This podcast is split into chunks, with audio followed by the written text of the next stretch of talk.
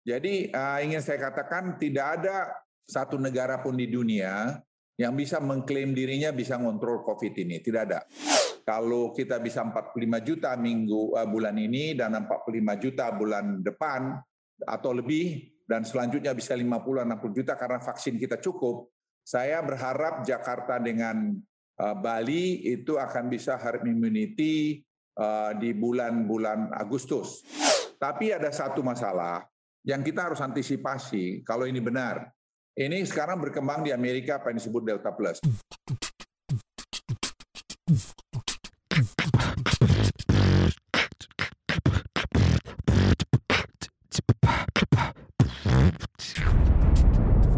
cuap-cuap cuan.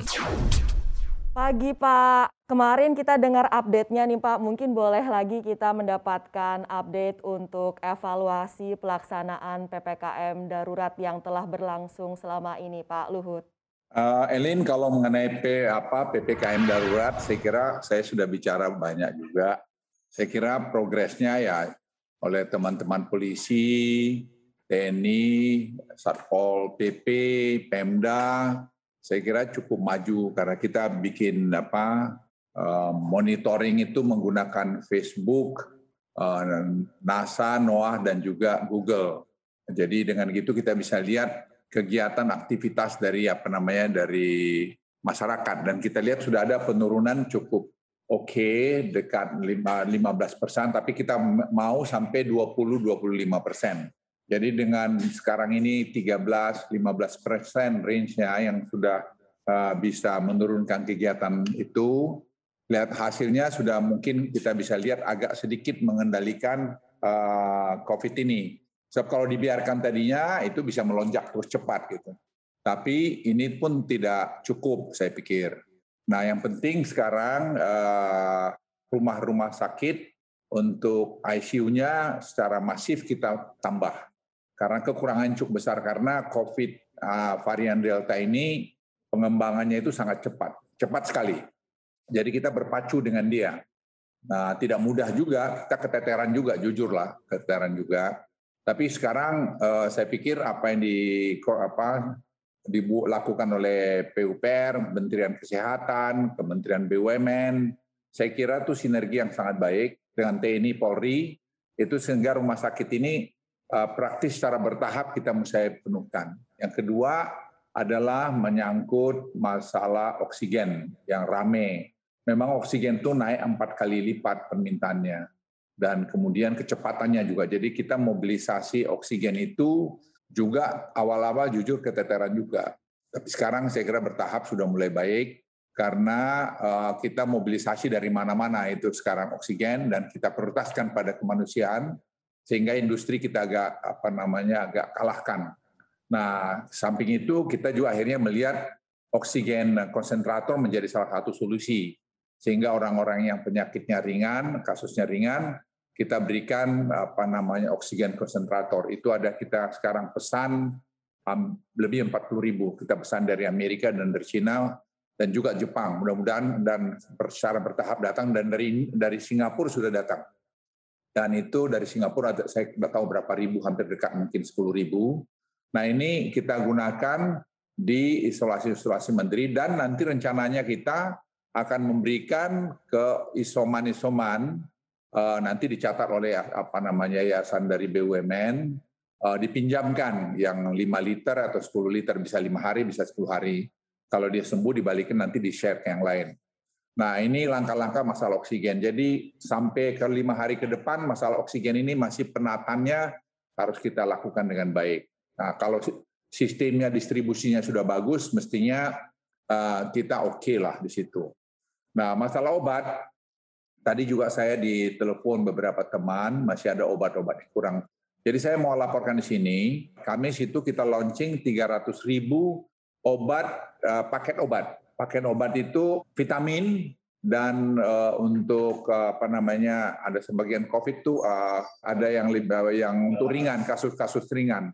Antiviral jadi antiviral. Jadi dengan begitu itu kita bikin. Nanti kita bagi tiga paket itu. Ada paket untuk ringan sedang dan juga untuk sesak napas dan sebagainya. Jadi ini akan dibagikan oleh apa namanya TNI dengan kesdamnya sehingga nanti laporan orang itu kalau OTG positif dilihat positifnya itu ringan atau gimana langsung obatnya diberikan. Jadi tidak ada lagi nanti masalah obat menjadi isu di teman-teman di masyarakat. Uh, obat memang ada obat mahal yang belum seperti Actempra itu saya pikir proses sekarang juga sedang kita data dan itu saya kira nanti ya eh, bisa kita bayar remdesivir saya kira sudah uh, datang 1,2 juta jadi saya pikir kita belum ada masalah. Jadi tadi oksigen, rumah sakit, tempat tidur saya kira di, di TNI sudah membangun apa namanya tenda-tenda darurat mereka ya, baik di Jakarta, di Surabaya, di Bandung, di sentra-sentra itu itu mungkin sampai jumlah dekat 350 ICU eh, tempat tidur. Jadi kita kedepankan itu semua. Saya kira para pemirsa sudah tahu juga rumah sakit haji di Arafah itu saya kira sudah kita convert jadi 150 ICU. Saya ulangi ICU dan sudah mulai diisi dari kemarin dan kemudian rumah sakit Pertamina juga membangun 170 ICU bed. Jadi saya kira masalah itu secara perlahan kita tanggulangi. Tapi ini tidak boleh begitu terus. Jadi kita harus menahan supaya infeksi ini ya sementara bisa di sekitar 30 ribu dan nanti pertahan turun. Sementara itu tingkat kesembuhan juga kita lakukan dan ini saya kira menggembirakan tingkat kesembuhan kemarin 34 ribu dan itu angka yang sangat besar. Ini juga harus kita tonjolkan. Memang angka kematian masih tinggi di sekitar 700-an.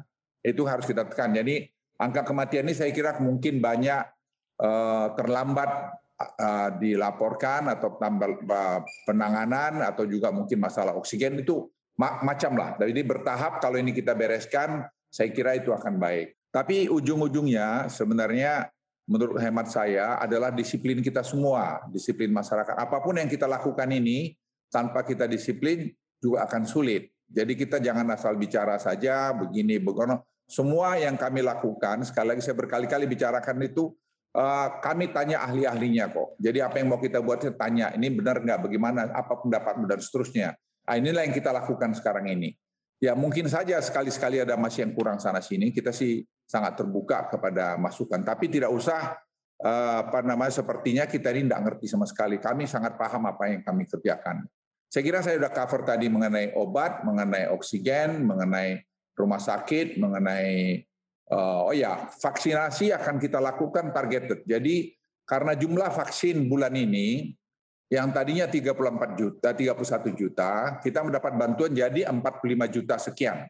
Jadi Pak Budi sudah uh, janjian sudah kami bicara uh, supaya nanti dari uh, 14 juta tambahan ini bisa 10 juta diberikan kepada Pangdam, Kapolda dan Gubernur untuk mereka melihat mana lagi celah-celah. Nah, apa yang kami usulkan? Kami sepakat akan masuk kepada perkampungan-perkampungan rakyat kita yang marginal, yang yang lebih di pinggiran, sehingga mereka itu disuntik di sana cepat. Dan itu saya pikir akan membantu kita untuk menahan apa namanya kasus ini. Dan saya yakin kalau kita bisa 45 juta minggu uh, bulan ini dan 45 juta bulan depan atau lebih dan selanjutnya bisa 50 60 juta karena vaksin kita cukup, saya berharap Jakarta dengan uh, Bali itu akan bisa herd immunity uh, di bulan-bulan Agustus dan yang lain saya kira mungkin sudah di atas 50 persen pada waktu itu sehingga kita bisa menahan ini. Tapi ada satu masalah yang kita harus antisipasi kalau ini benar. Ini sekarang berkembang di Amerika apa yang disebut Delta Plus. Jadi jangan kita pikir kita ini ribut di Indonesia, tidak. Amerika sekarang sudah mulai alert karena kasus mereka naik. Saya kira bisa Anda Google juga lihat itu. Dan juga di Inggris dan Belanda dan Israel yang mengklaim dia sudah imun, udah buka anu semua, buka apa namanya uh, masker, masker, ternyata sekarang juga dapat serangan. Jadi uh, ingin saya katakan tidak ada satu negara pun di dunia yang bisa mengklaim dirinya bisa ngontrol COVID ini, tidak ada. Ya, Australia yang disebut-sebut rame yang hebat di komentar-komentar itu sekarang kewalahan juga atau repot juga ngadapin di apa namanya di Sydney. Jadi semua menghadapi yang sudah dia lockdown begitu masih kena juga. Jadi kita tidak tahu bagaimana perilaku dari COVID ini. Apakah masih ada nanti Delta Plus, Delta X, Delta segala macam, we never know. Tapi oleh karena itu Presiden sudah merintahkan kita untuk melihat skenario paling jelek. Nah itu sebabnya tadi kita sudah berjaga-jaga, kita juga impor 40 ribu ton oksigen untuk uh, eh, 40 hari kalau tambahan dari apa yang kita ada sekarang ini. Tapi dengan ada tadi oksigen generator, saya kira itu bisa kita prolong sampai mungkin bisa 60 hari. Jadi kita coba tadi mengatur semua ke depan ini. Jadi antisipasi kita. Mengenai bantuan dari negara-negara lain, uh, saya kira cukup baik. Hubungan presiden sangat baik dengan Singapura, dengan Amerika, dengan Jepang, dengan Cina, dengan Abu Dhabi. Saya kira mereka sekarang sudah datang berbondong-bondong kalau saya boleh bilang begitu membantu kita. Nah, Amerika misalnya kita impor hampir 20 ribu uh, apa namanya nih oksigen uh, konsentrator, juga Jepang dan Cina dan juga tadi dari Abu Dhabi uh, Crown Prince juga nyumbang vaksin lagi. Kemudian juga tadi saya bicara sama apa namanya uh, menterinya uh, Suhail untuk mereka membantu kita oksigen juga karena oksigen dibawa dari sana. Karena masalah kita juga isotank dan dunia rupanya baru saya tahu juga kita juga mencari isotank. Isotank ini dibutuhkan sekali untuk tadi untuk gas eh, oksigen tadi. Saya kira itu overall dulu mengenai apa mengenai COVID dan kita harus betul-betul bersatu padu bekerja sama untuk menangani COVID ini. Tidak bisa ditangani oleh pemerintah saja. Kita semua harus satu untuk menangani. Ya betul sekali terkait dengan ekspektasi bahwa minggu depan bisa terjadi flattening untuk kasus COVID-19 nih seperti apa Pak? Ya sebenarnya saya sampaikan kemarin flattening kalau kita disiplin. Jadi kalau tadi mobilitas itu bisa kita naikkan di atas 20 persen, kita hampir pasti flattening. Tapi kalau kita angka ini masih tetap bermain-main apalagi pada hari libur, saya nggak tahu apakah kita bisa. Jadi itu kita juga harus jelas. Jadi saya minta juga penjelasan saya jangan sepotong di tangkap itu. Jadi kalau dengan data sekarang kita tetap bisa konsisten, ya menurut saya kita akan begitu karena belajar dari angka-angka yang kemarin. Iya. Pak, seperti apa antisipasi dari pemerintah seandainya melihat dari uh, situasi ini lebih baik misalnya PPKM darurat ini diperpanjang? Karena tadi Pak Luhut juga katakan arahan dari Presiden ini kita harus siap dengan skenario terburuk. Ya, kita lihat nanti ada saya ada lapor Presiden kemarin dari hari ke hari kita akan monitor uh, bagaimana anu ini, bagaimana apa namanya keadaan ini. Jadi saya kira tidak bisa saya terus menjawab sekarang pada Anda bahwa uh, kita lusa uh, selesai tidak diperpanjang lagi, tidak bisa. Jadi sekali lagi saya berangkat dengan data. Apa pun yang mau kita putuskan nanti atau laporan kami pada Presiden, berangkat kepada data-data yang kita dapat. Iya, terkait dengan adanya uh, long weekend Pak seperti apa? Apakah dari pemerintah sendiri akan melakukan ya, itu aksi yang, yang lebih saya, ketat untuk penyekatan? Ya itu yang kita saat anu. Saya juga dengan Ibu apa Bu Menteri Sosial, beliau juga brief saya bagaimana mengatasi misalnya masyarakat di Jawa Timur untuk tidak uh, libur dulu rame-rame gitu dalam apa libur panjang minggu depan. Ya kita lagi cari exercise yang paling baik penanganannya gimana? Karena kadang-kadang rakyat kita diprovokasi juga gitu. Pemerintah nih eh, terlalu keras, terlalu begini gitu. Tapi kalau kita longgarkan, ya jadi seperti Bano Belanda itu perdana menterinya sampai minta maaf kepada rakyatnya karena dia apa eh, sudah membolehkan buka masker. Ternyata langsung lonjak naik anunya kasusnya di apa nah di uh, Belanda. Jadi ini orang Siapa yang mau bisa mengklaim bahwa dia paling benar, paling hebat? Tidak ada. Iya, situasinya memang tengah tidak mudah Pak di tekanan pandemi ini. Tapi seperti apa Pak sejauh ini realisasi investasi sampai semester 1 dibandingkan dengan target yang ditetapkan pemerintah Pak Luhut? Ya, saya sebelum sampai tadi ada dua poin yang saya lupa tadi, Alien. Uh, ya, apa silakan, namanya? Pak. Kita mobilisasi 2.200 dokter yang baru lulus karena SDM itu satu kunci. Kan yang lama ini udah banyak lelah juga ya. Jadi 2.200 ini mulai kemarin tuh saya kira sudah dimobilisasi dan dilakukan training sama mereka sebelum diterjunkan. Dan juga 20 ribu saya kira ya lebih ya, itu surster atau nurse yang sekolah-sekolah perawat yang uh, mau lulus atau sudah lulus, itu di training lagi juga diterjunkan. Jadi SDM itu kami sangat perhatikan. Uh, dan juga rencana penyuntikan ke dosis ketiga untuk para nakes. Dan memang kalau kita lihat jumlah nakes yang kena uh, COVID uh, Delta ini setelah yang vaksin ya itu angkanya kecil sekali. Dan ya, kita saya kira jadi berarti proven bahwa vaksin itu juga sangat membantu untuk sampai kepada kasus meninggal. Jadi kalau early stage dia ditolong dari ini kelihatannya sangat tinggi chance-nya untuk tidak apa tidak sampai meninggal. Kemudian mengenai bansos, Presiden itu tadi sudah singgung juga sedikit, itu kita berikan. Jadi Bu Menteri Sosial itu nanti menurunkan bansosnya. Tapi di samping itu, Kodam diperintahkan oleh Presiden memastikan tidak ada orang yang sampai tidak ada makan. Nah, jadi beras-beras 5 kilo dan 10 kilo itu akan dibagikan, itu ada hampir 15 ribu ton yang akan dibagikan di daerah-daerah pinggiran. Sehingga teman-teman saudara-saudara kita yang eh, hidupnya susah itu juga tetap bisa masih survive. Jadi bansosnya akan jalan bulan ini, bulan depan, dan nanti kita lihat perkembangannya COVID ini ke depan bagaimana. Iya. Terkait investasi, Tadi Pak? mengenai investasi. Ya, tegak mengenai investasi, ini kita punya target memang 2021 ini eh, apa namanya eh, itu target kita itu agak, agak sedikit dikoreksi jadi 900 triliun yang terdiri dari 469 triliun dari modal asing dan 430 triliun dari dalam negeri.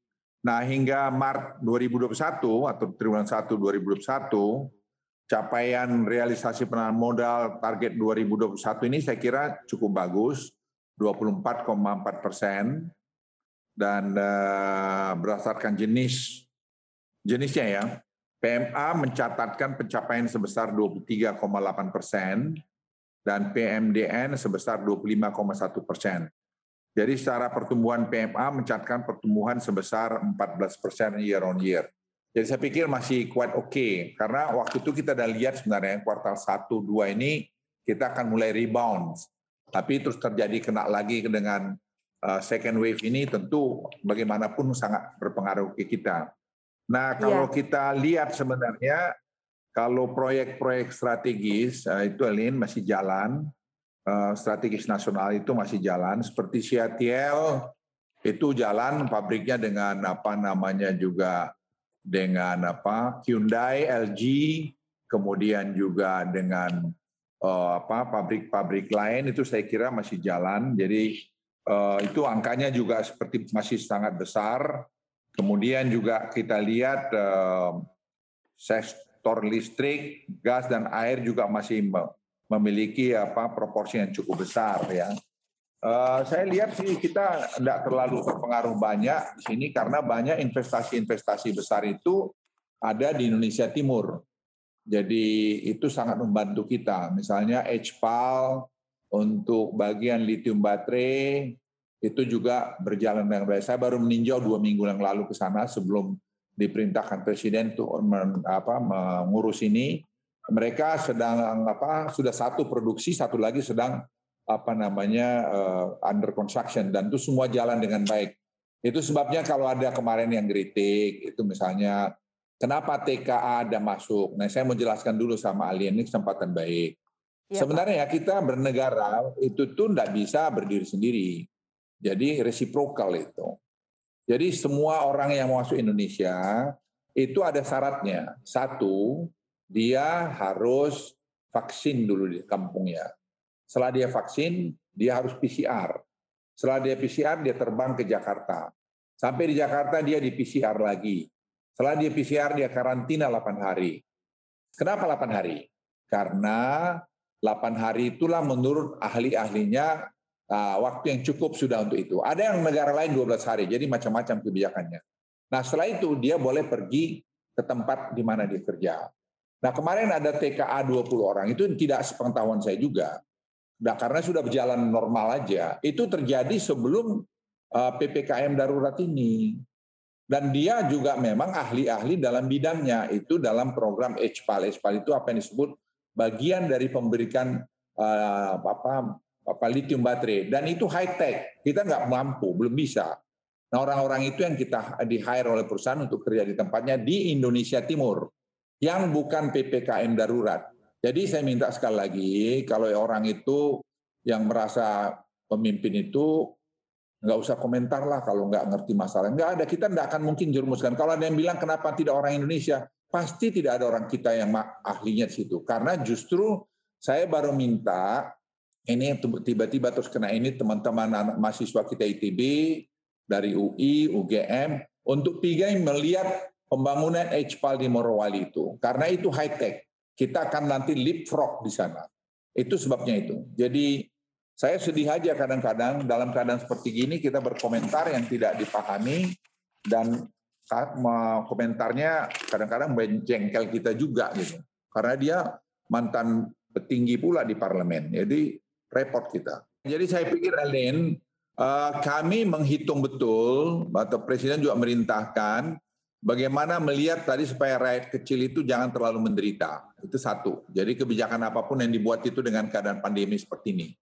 Yang kedua, uh, Indonesia ini menarik buat orang untuk investasi.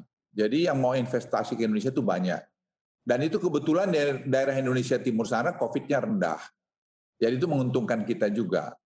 Nah yang ketiga, saya titip kita semua harus kompak menghadapi COVID ini. Karena COVID ini tidak ada satu negara pun di dunia yang bisa mengklaim bahwa mereka sukses menangani COVID ini. Jadi sekali lagi, saya titip pada kita semua, terutama yang jadi Eh, tokoh-tokoh itu supaya jernih melihat. Jadi jangan uh, terlalu cepat menjudge. Kalau mau ada yang ditanyakan kami, saya sih kapan saja siap untuk menerima pertanyaan. Sampaikan apakah mau datang ke kantor saya juga boleh, nanti kita jelasin. Atau juga nanti mau eh, Zoom call juga nanti kita jelasin. Saya pikir ini negeri ini kan punya kita rame-rame. Jadi tidak perlu ada uh, merasa bahwa ini yang kuasa ini kuasa besok lusa juga gantian mungkin yang ngatur silakan aja. Terima kasih itu aja dari saya Lian. Tadi Anda katakan cukup banyak investasi yang ingin masuk apa saja Pak Luhut? Ya ini seperti sekarang Anda lihat seperti Hyundai dengan LG itu 10 miliar dolar. Uh, tadi malam saya masih pas bicara lagi kan dengan keluar sudah Perpres itu uh, mereka sudah masuk 10,3 miliar dolar untuk nanti Hyundai electric car dan juga uh, lithium baterai dengan LG-nya. Uh, kemudian HPAL itu mungkin ada 2,3,7 miliar dolar. Ada lagi Kaltara. Nah, Kaltara ini satu hal lagi, tetap kami akan groundbreaking itu bulan Oktober di Kalimantan Utara. Itu industri yang berbasis green energy. Nah, itu akan groundbreaking oleh Presiden, kita upayakan betul karena Presiden minta itu supaya bisa September, mungkin Oktober lah karena ada COVID sedikit. Itu investasi saya kira total nanti dalam enam tahun ke depan kira-kira 60 miliar dolar. Yang sudah kita tanda tangan itu 31 miliar dolar, dan itu nanti kerjasama ada macam-macam perusahaan, ada perusahaan dari Tiongkok, ada juga perusahaan dari Australia, ada perusahaan dari mana lagi.